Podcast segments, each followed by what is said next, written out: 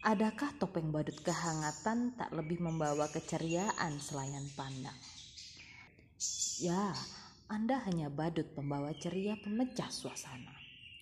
Setiap awal pertemuan pasti akan selalu ada badut-badut yang pada situasi seperti ini sangat dibutuhkan, di mana selalu setia memecah kekakuan dan membawakan keceriaan.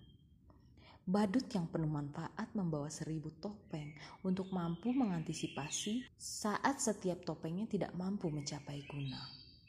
Pernahkah Anda benar-benar melihat peran besar si badut pada setiap pertemuan?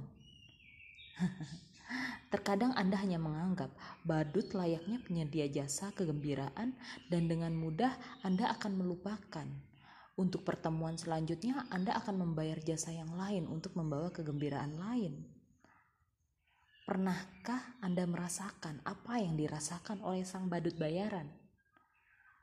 Badut hanya berkecil hati dengan berpikir semua orang yang dianggapnya pohon di dalam kehidupannya juga menganggap badut sebagai pohon.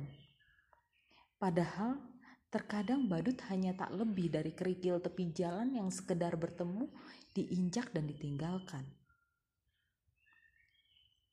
Jika tidak pernah dibuka jasa badut dalam setiap pertemuan, akankah Anda mampu menjalankannya dengan baik? Sadarkah Anda sebenarnya badut merupakan lakon utama dalam setiap pertemuan? Anda menganggap jasa kegembiraan merupakan hal mudah.